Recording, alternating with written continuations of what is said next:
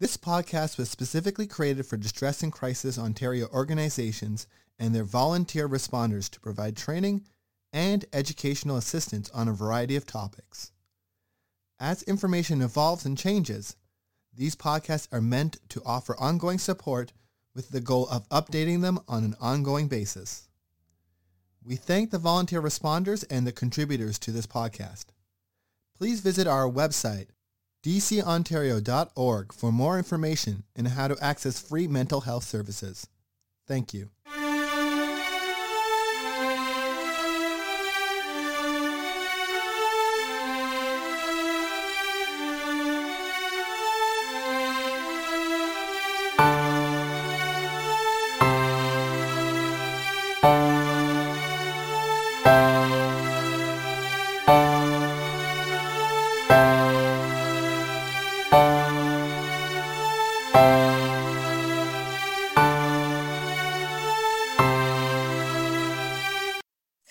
Hello, my name is Caitlin Plant and I am the Program Manager at Distress and Crisis Ontario. Thank you for choosing to listen to our podcast. Today I'm sitting down with Steve and he's joining us to talk about Ray of Hope and the current climate of mental health in their Kitchener-Waterloo community. So thank you for joining me today, Steve. Could you please start by telling us a little bit about yourself and your role within Ray of Hope? Well, thank you for having me. First of all, I really appreciate this. And, and I just want to say putting mental health on our dashboards of wellness is of the utmost importance during these difficult and trying times. And by difficult and trying times, I'm talking about a stretch from uh, March 2020 to, to the present. So, wow, uh, it's an important conversation for us to be having. Um, with that, uh, to introduce myself, my name is Steve. I'm from Ray of Hope. I'm the lead of the day treatment program at Ray of Hope Youth Addiction Services, and I've been in that position for 13 years. It's a trauma-informed harm reduction-based program for youth struggling with substances and other dependent behaviors. I've been a part of that program with a wonderful team, and it's undergone a number of transformations. We started initially as a uh, abstinence-based program, and we shifted. We always respond to the needs and the feedback of the young people. So it's client-driven, it's strength-based, we work with the Waterloo Regional District School Board, so there's an opportunity for people to earn credits. And everyone has a chance every day to meet with an addiction counselor, myself or my colleague. Uh, there's opportunities, if it's interesting for young people, to explore uh, EMDR or neurooptical neurofeedback. And the program is situated in downtown Kitchener, and it's for youth 13 to 20 years of age. It operates Monday through Friday, 9 a.m. to 3 p.m. And that's one of the programs uh, that Ray of Hope Youth Addiction Services offered. That's the one that I'm a part of. Yeah, awesome. So we did have uh, your old boss, Glynis Burkhartler, on our podcast back in March of 2021, and she spoke to us also specifically about the youth addictions program. Um, but could you give us kind of a refresher on the other services that Ray of Hope offers as well? Yes, uh, Glynis did a, a wonderful and I'd say a comprehensive job at kind of identifying all the uh, programs in the youth addiction services program. But just as a, as a quick, a quick recap, we have a number of youth-focused programs. Uh, we have the community-based treatment program. It's an individualized program for youth that are not interested yet or are not thinking that they want a more structured support program, which would be the day treatment or residential programs. It's uh, an opportunity for a young person to meet with a therapist once per week uh, in an hour-long uh, counseling session and to talk about things that might help them move their lives forward in a positive direction. We're talking about emotional intelligence, uh, relapse prevention strategies, uh, interpersonal communication uh, to improve relationships at home. Mm-hmm. If at a certain point they discover that that's uh, not intensive enough, we can shift them to the day treatment program, which I've already talked about, which I'm part of in um, that is for uh, youth uh, 13 to uh, 18, 19. And then the last program on our kind of a continuum is the residential program. And in the residential program, it's situated downtown Kitchener. It has six beds. It has a teacher on site. They focus on activities of daily living in a therapeutic community. So it's about building community. There's peer support. There's mentoring opportunities. They have recreational components, and it is a uh, community involvement it has a community involvement focus, and so they'll be doing some volunteer, uh, perhaps at the Ray of Hope Community Center or other areas, and they are based on a, the 12-step AA program foundation. Yeah, I think it's really awesome that you have kind of those three different ranges in, in, those programs that it's kind of like you said the first one that you mentioned is kind of for those those kids those youth who maybe don't feel like they need help yet, but they kind of want to start somewhere. And then you can go from there to the day program, to the residential. Like it, it's, it's a really cool spectrum that you have to cover lots of opportunities to help there. Yeah. yeah, there's movements forward and back. And, you know, the goal is always to meet a young person where they're at.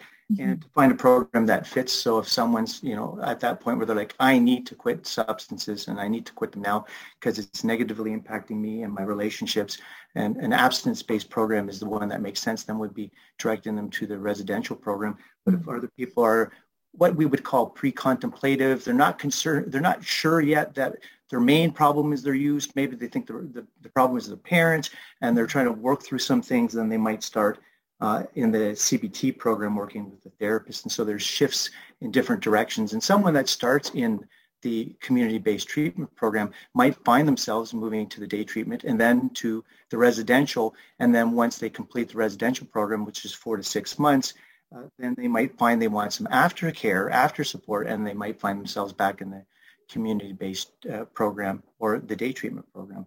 Mm-hmm. So that's the youth addiction services programs there are other programs as well. Another youth-focused program is the Employment Services Program. It operates for six months and it teaches uh, employability skills for uh, young people so that they can get on-the-job training and find an opportunity to transition out into uh, the workforce. So they'll have employment, employment, employment skills training for six weeks.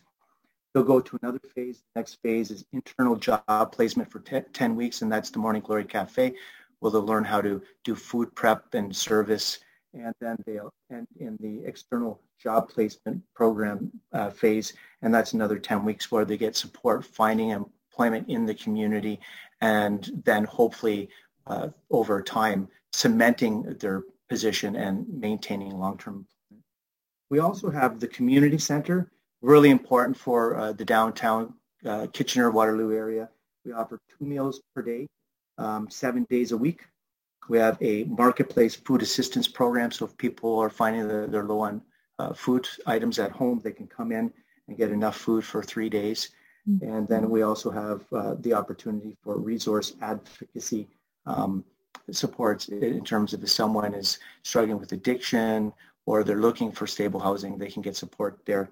And then the last one I think I'll mention right now is uh, the parent support group. So in terms of the youth addiction services program, sometimes young people are not convinced that they need to make changes, mm-hmm. but the parents are thinking otherwise and they need support as they try to help the young person manage the challenges that they're having. So there's the Helping the Helper program. It's an online program. There's a community-based treatment therapist that is working with parents. They provide support in terms of giving information about addiction, emotional intelligence, and it's just a chance for parents to come together to support each other and recognize that they're not the only ones going through what they're going through, and then to give them the skills and the confidence to try to create the home that they want for themselves and for uh, their young person. Yeah. That's incredible. So a lot, a lot going on at Ray of Hope. a lot going on at Ray of Hope. Yeah. And before the uh, pandemic, um, people were accessing services.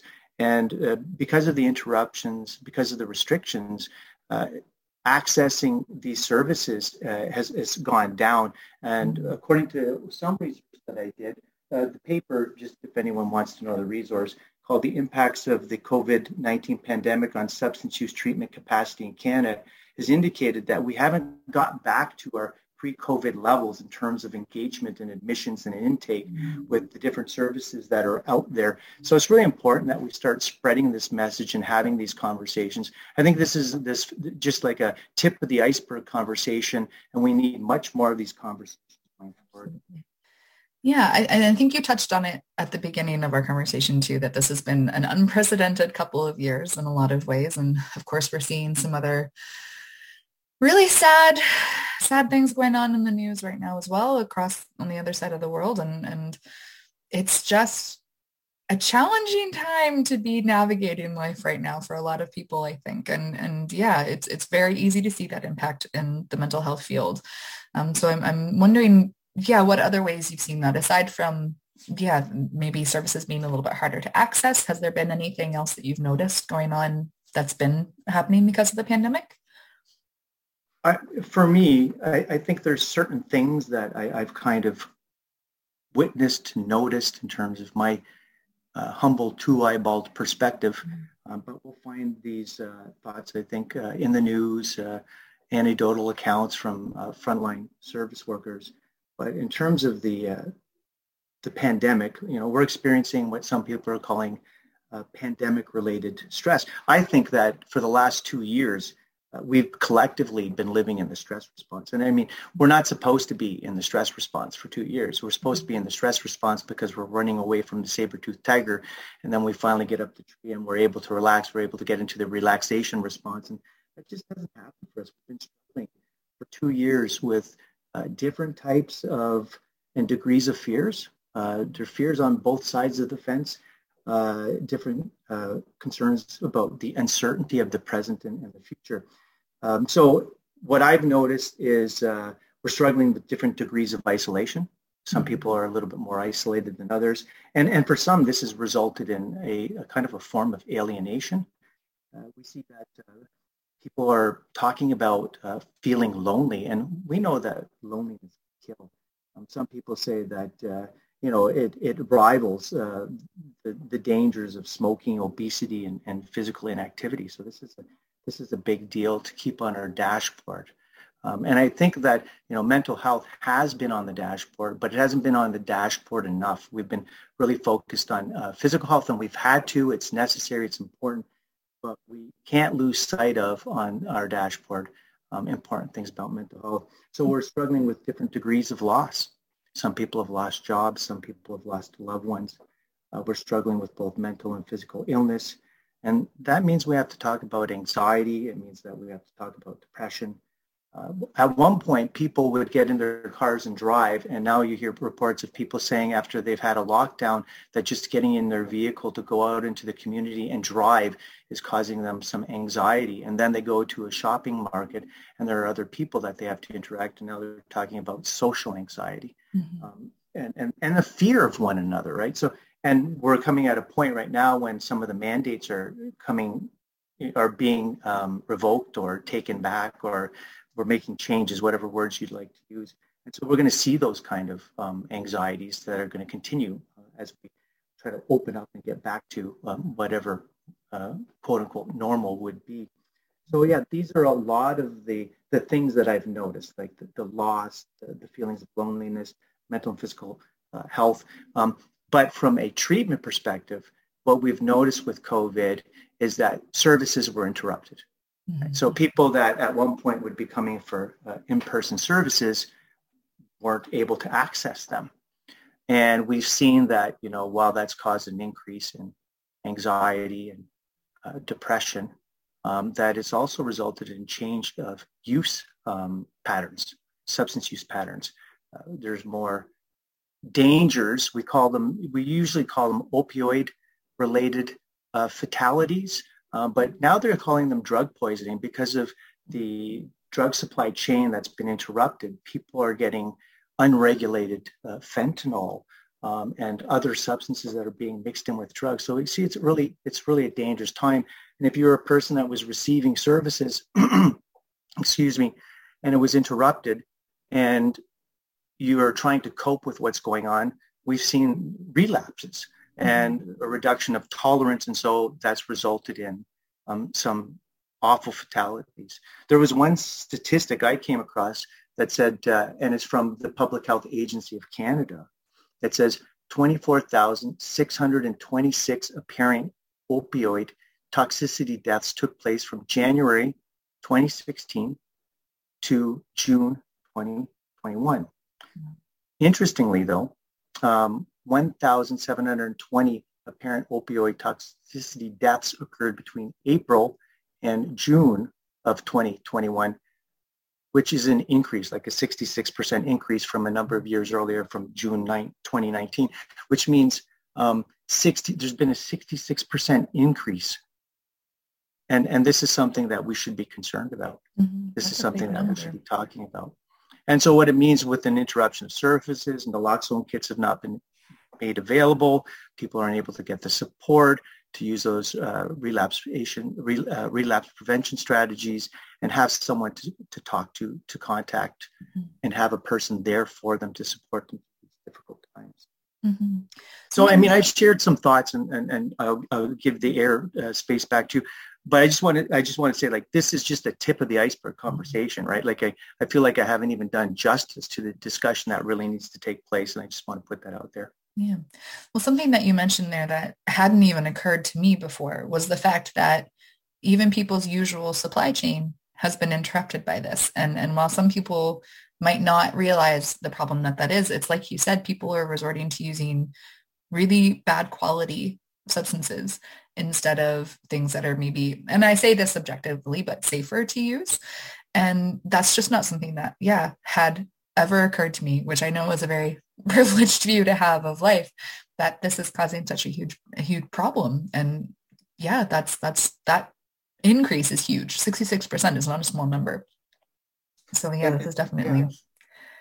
And the idea that, you know, we're moving the language when we're talking about people who use drugs. Uh, when we're talking about a movement from um, opioid-related deaths to drug poisonings. And the reason we're doing that is because people um, who are who are desperate, they're attempting to cope, they're finding that uh, they're relapsing. Um, they think they're getting something, but what they're getting they don't know because it can contain anything um, from perhaps cocaine to fentanyl um, to benzodiazepines, right? Mm-hmm. And so if you do have naloxone uh, and it you don't have a tolerance to benzodiazepine, uh, different substances in that category, then you know the naloxone is not going to help you. You know, mm-hmm. you've got we've we've got a, a dangerous situation unfolding. Yeah, so, so, yeah, even, yeah, even the safety plan you have in place is no longer effective, and you didn't even realize that going into it. Yeah. And, and the safety plan often, from a harm reduction perspective, includes you know having someone with you, perhaps uh, while someone might be using, and because of the restrictions and and the lockdowns, people might find that they're at a point where um, they're they're using by themselves, and so there's nobody there to have to to be able to pick up the phone should a hard phone call need to be placed, right? So, and I mean, like I'm I'm speaking in in the, those severe terms, but it, just in other terms too, uh, the changes of um, some people who maybe weren't using substances um, are just using more, mm-hmm. and that there seems to be messaging out there that that that this is not necessarily concerned because it's it's it's just spilling into everyday kind of um, casual use and but there definitely should be some red flags mm-hmm. uh, so given these things that yeah have been changing and that we've seen uh, throughout the pandemic have there been ways that ray of hope specifically has changed how they deliver the programs yeah there there have been a significant number of uh, changes in terms of how we've been offering our services. And, and I think it, that other agencies uh, can definitely relate to uh, the changes that we've had to make. To make. And I became aware of that as I, I shared before that article about COVID-19 pandemics on substance use treatment uh, capacity in Canada. So because of the interruptions, there was a reduction in access to in-person services. Programs were offered remotely during the lockdowns. And uh, we were able to offer groups and one-to-one opportunities to young people about three times per day.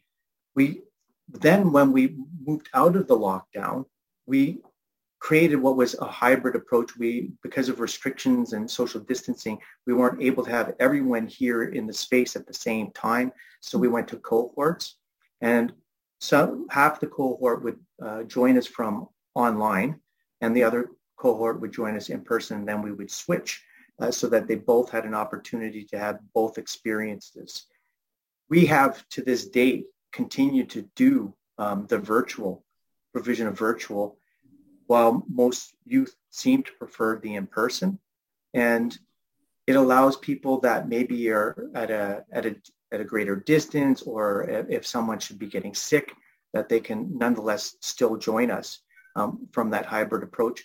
And there is a learning curve when, when you're going to virtual about like what microphone do you should you be using, what camera should we use so that whoever's at home will be able to see all the participants and, and the, the frontline workers as we're going through our day. So that was a big change. And, and we're still trying to iron stuff like that out. There's, uh, I guess you could say, you know, while we're doing it, at, at some point, perhaps there should be an evaluation process uh, in place so that we can decide if there are things that we need to do a little bit differently so it increases the quality of service. I mean, it was difficult to be doing the phys ed online and you have to be creative. But uh, now that we're able to have this hybrid approach, it allows people who are not well to be able to join us and get that support. Previous to the COVID pandemic, I never used a cell phone. Mm-hmm. I never used email. And since that time, I'm finding that I have so many more interactions and I'm going to continue to con- maintain those kind of interactions uh, via phone, um, whether it's texting, phone calling.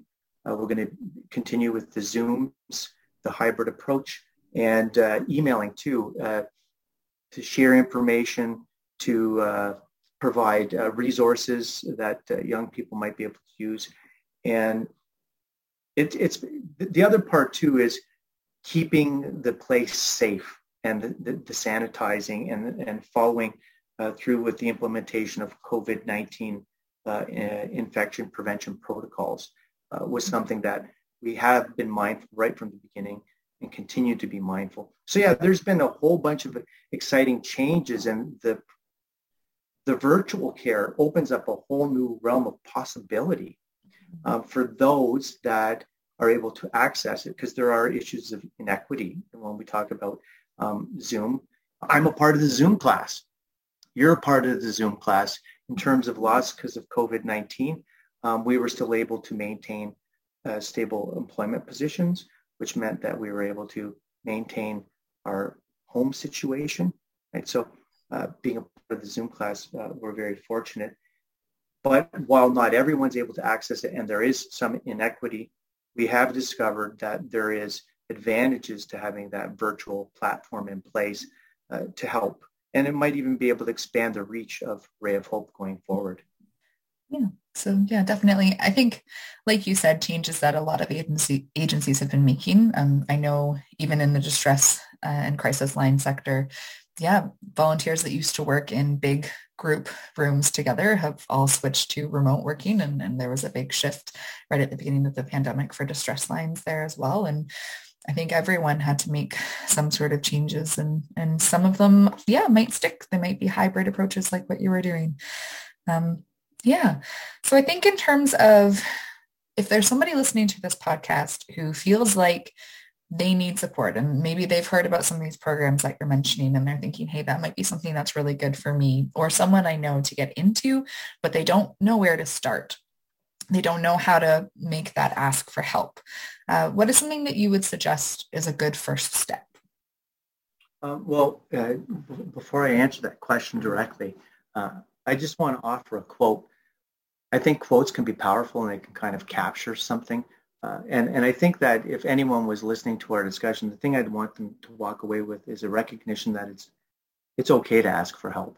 And I came across this quote. It's uh, a lifeleadsimply.com. This is where I located it.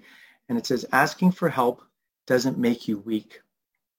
It reveals strength, even when you don't feel strong. And, and that just kind of resonated with me. Mm. Uh, we often have a sense that you know, we need to do things independently on our own. But during difficult times, we need one another and we need to know we're not alone. So I just want to, you know, take that moment to emphasize that asking for help is good coping. And, and it's a sign of uh, courage and strength and, and it's the starting point for change, right? So we, we need certain resources. We might not have them. Recognizing that we need to reach out for help is a, an act of wisdom. So where would I suggest that someone maybe start? I want to keep it simple. I mean, there, there's a, a, lot of resources out there, and, and you can do searches. But I think for in, in terms of the uh, Waterloo, Wellington area, Kitchener-Waterloo, serving Kitchener-Waterloo, Cambridge, and, and a little bit beyond, that uh, we would start with here 24-7. And I just encourage people to call 1-844 437 3247 and start the process of asking for help. And they're providing support for addictions, mental health, and crisis. And I think that that's a first starting point. It's the front door, in a sense, for um, getting help in our region obviously we've covered a lot in this conversation so far and all very important topics. And I'm just wondering what your opinion is on, on why it's important that we have these conversations and why it's important that we share all of these resources and information. I think it's important to have these conversations because there's this, this idea that resilience is an unlimited kind of resource that we have. Mm-hmm and and I like I think resilience is important and we need to build resilience. But when we've been going through things for two years and and we're still in it, I mean we're, not through it to the other side yet. Um, I think we need to recognize that we're only human and we can only carry ourselves so far. Mm-hmm. And I'm especially mindful about this with with uh, children and youth. You know, we we might think to ourselves, as, as we're looking and watching and observing that, you know, they seem pretty resilient. And I think that we need to be careful and that uh, we need to maybe recognize that while it could appear that they're resilient, that they might have some deeper struggles than we might recognize and they might not have the vocabulary for it. They might not have the uh, ability to express what's going on. Mm-hmm. And we need to have this conversation. I've heard people anecdotally um, and and talk to some people firsthand that are sharing that um, kids as young as nine are talking about not wanting to be in this world, mm-hmm. and that's hard. Uh, I, I imagine a parent who hears that from their child and how overwhelming that would be, how agonizing that would be. Mm-hmm. And think that they might not know what to do um, because this is new for all of us. Who's parented someone, a, a child, uh, through COVID-19 before? I mean, this is a first time for, for us, and uh, we're trying to do the best we can. And so I think, you know, um, it's important for us to send messages about resilience. It's important for us to talk about good coping. But depending on the type of loss that a person's experienced, uh, we might need more than that and we might need support. So I think it's important to have these conversations because I think the message, not only do I think it's important for us to tell one another it's okay to ask for help, I think maybe I'm going too far, but my thought is I think we all need counselors right now in one form or another. I'm not saying it has to be a counselor, but we all need someone right now to be talking about these difficult things that we're experiencing. Helpers need helpers, right? Mm-hmm. So people that are providing counseling they are not only supporting people who are going through COVID-19, but they're going through COVID-19 themselves and then would need to get support so that they can continue to support. So I think we need to have these uh, conversations because we might need to encourage people to take a short leave of disability. We might encourage, need to encourage someone to take uh, their, to use their employee assistance program and that it's okay and it's not a sign of weakness and that together, if we support one another, we can get through this, but we shouldn't be doing it alone. And just be a little careful mindful about the thoughts that our kids are resilient all the time. Mm-hmm. Yeah. yeah, I have a, a, daughter who is in grade six, and she's been on the podcast to share some of her thoughts and feelings specifically about the pandemic as well. And and yeah, I think it's you've kind of hit the nail on the head that Nobody has been through this before.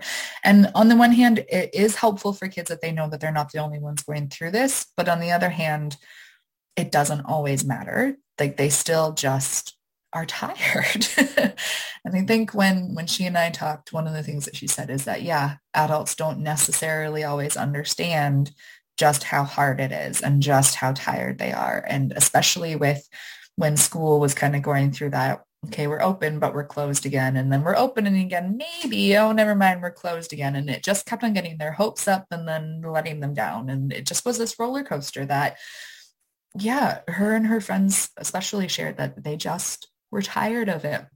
And it kind of got to the point where they just didn't even want to hear it and they didn't believe like the news that was coming out anyways and everything was kind of taken with a grain of salt and and that's not something that you want your children to have to learn so young um, that yeah that that these kids at these young ages are like yeah sure they're saying that this is going to happen but is it really? Like that's hard to see in your kids and it's definitely yeah made them grow up i think a lot faster than we want to admit.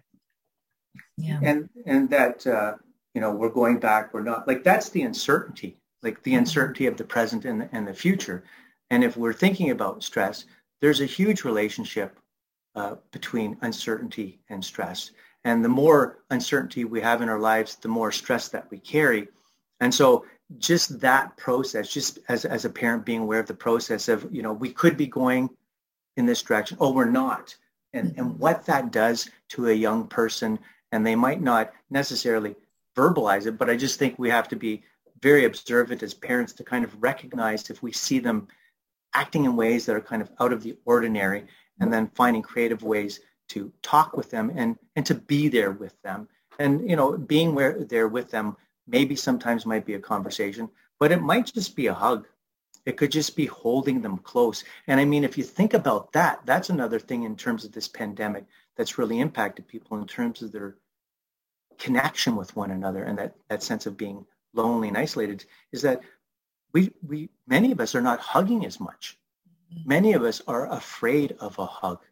And hugs are restorative. They're so important to feel that nurturing care from another human being that says, you're worth loving, you know, you're important to me.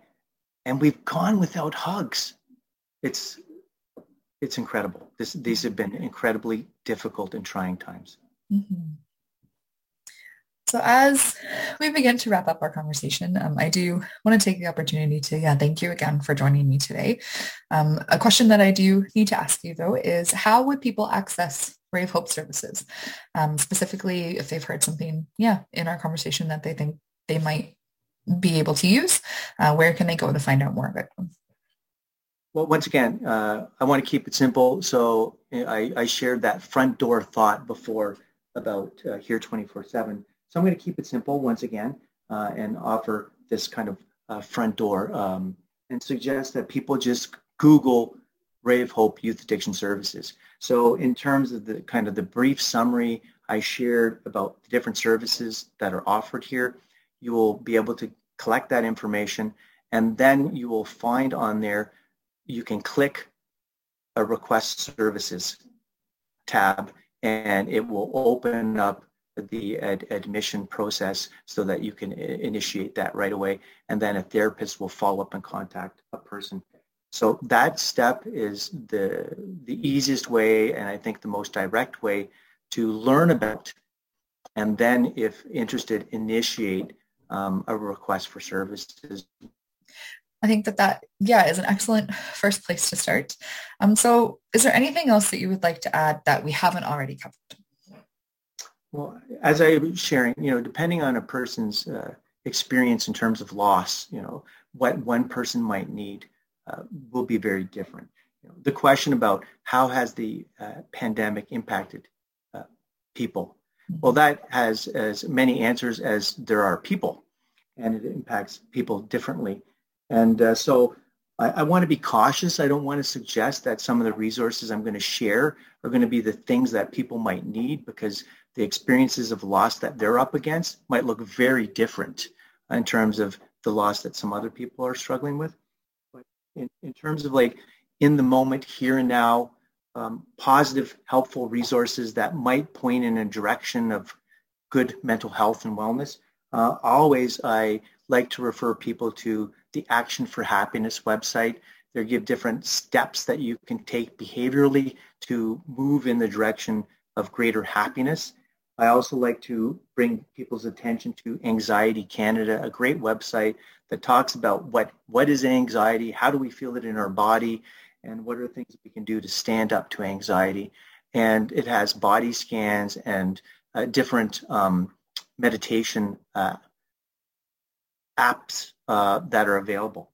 Uh, and, and then lastly, uh, the one that I just think is the most incredible is the Center for Addiction for Mental Health. It's CAMH. If you go on there, uh, there's uh, an opportunity for some free tutorials on Mental Health 101 and Addictions 101. And there's also information about how to get through COVID. So just a, a really great resource that you could check right now and maybe it will give some inspiring thoughts about how to kind of carry on. Thank you so much, Steve, again, for having this conversation with us today. We really appreciate it. Well, thank you for having me. And, and, and I, you know, I, I shared once and I'll share again. I, I, feel like it's just the tip of the iceberg. Uh, it's an important conversation. And I, I think that uh, there's a whole bunch more that should have been said and could have been said and will be said um, by other voices, uh, maybe not in the podcast format, but hopefully from conversations that might spring out from this discussion that we've had in, in people's private circles. So thank you for having me.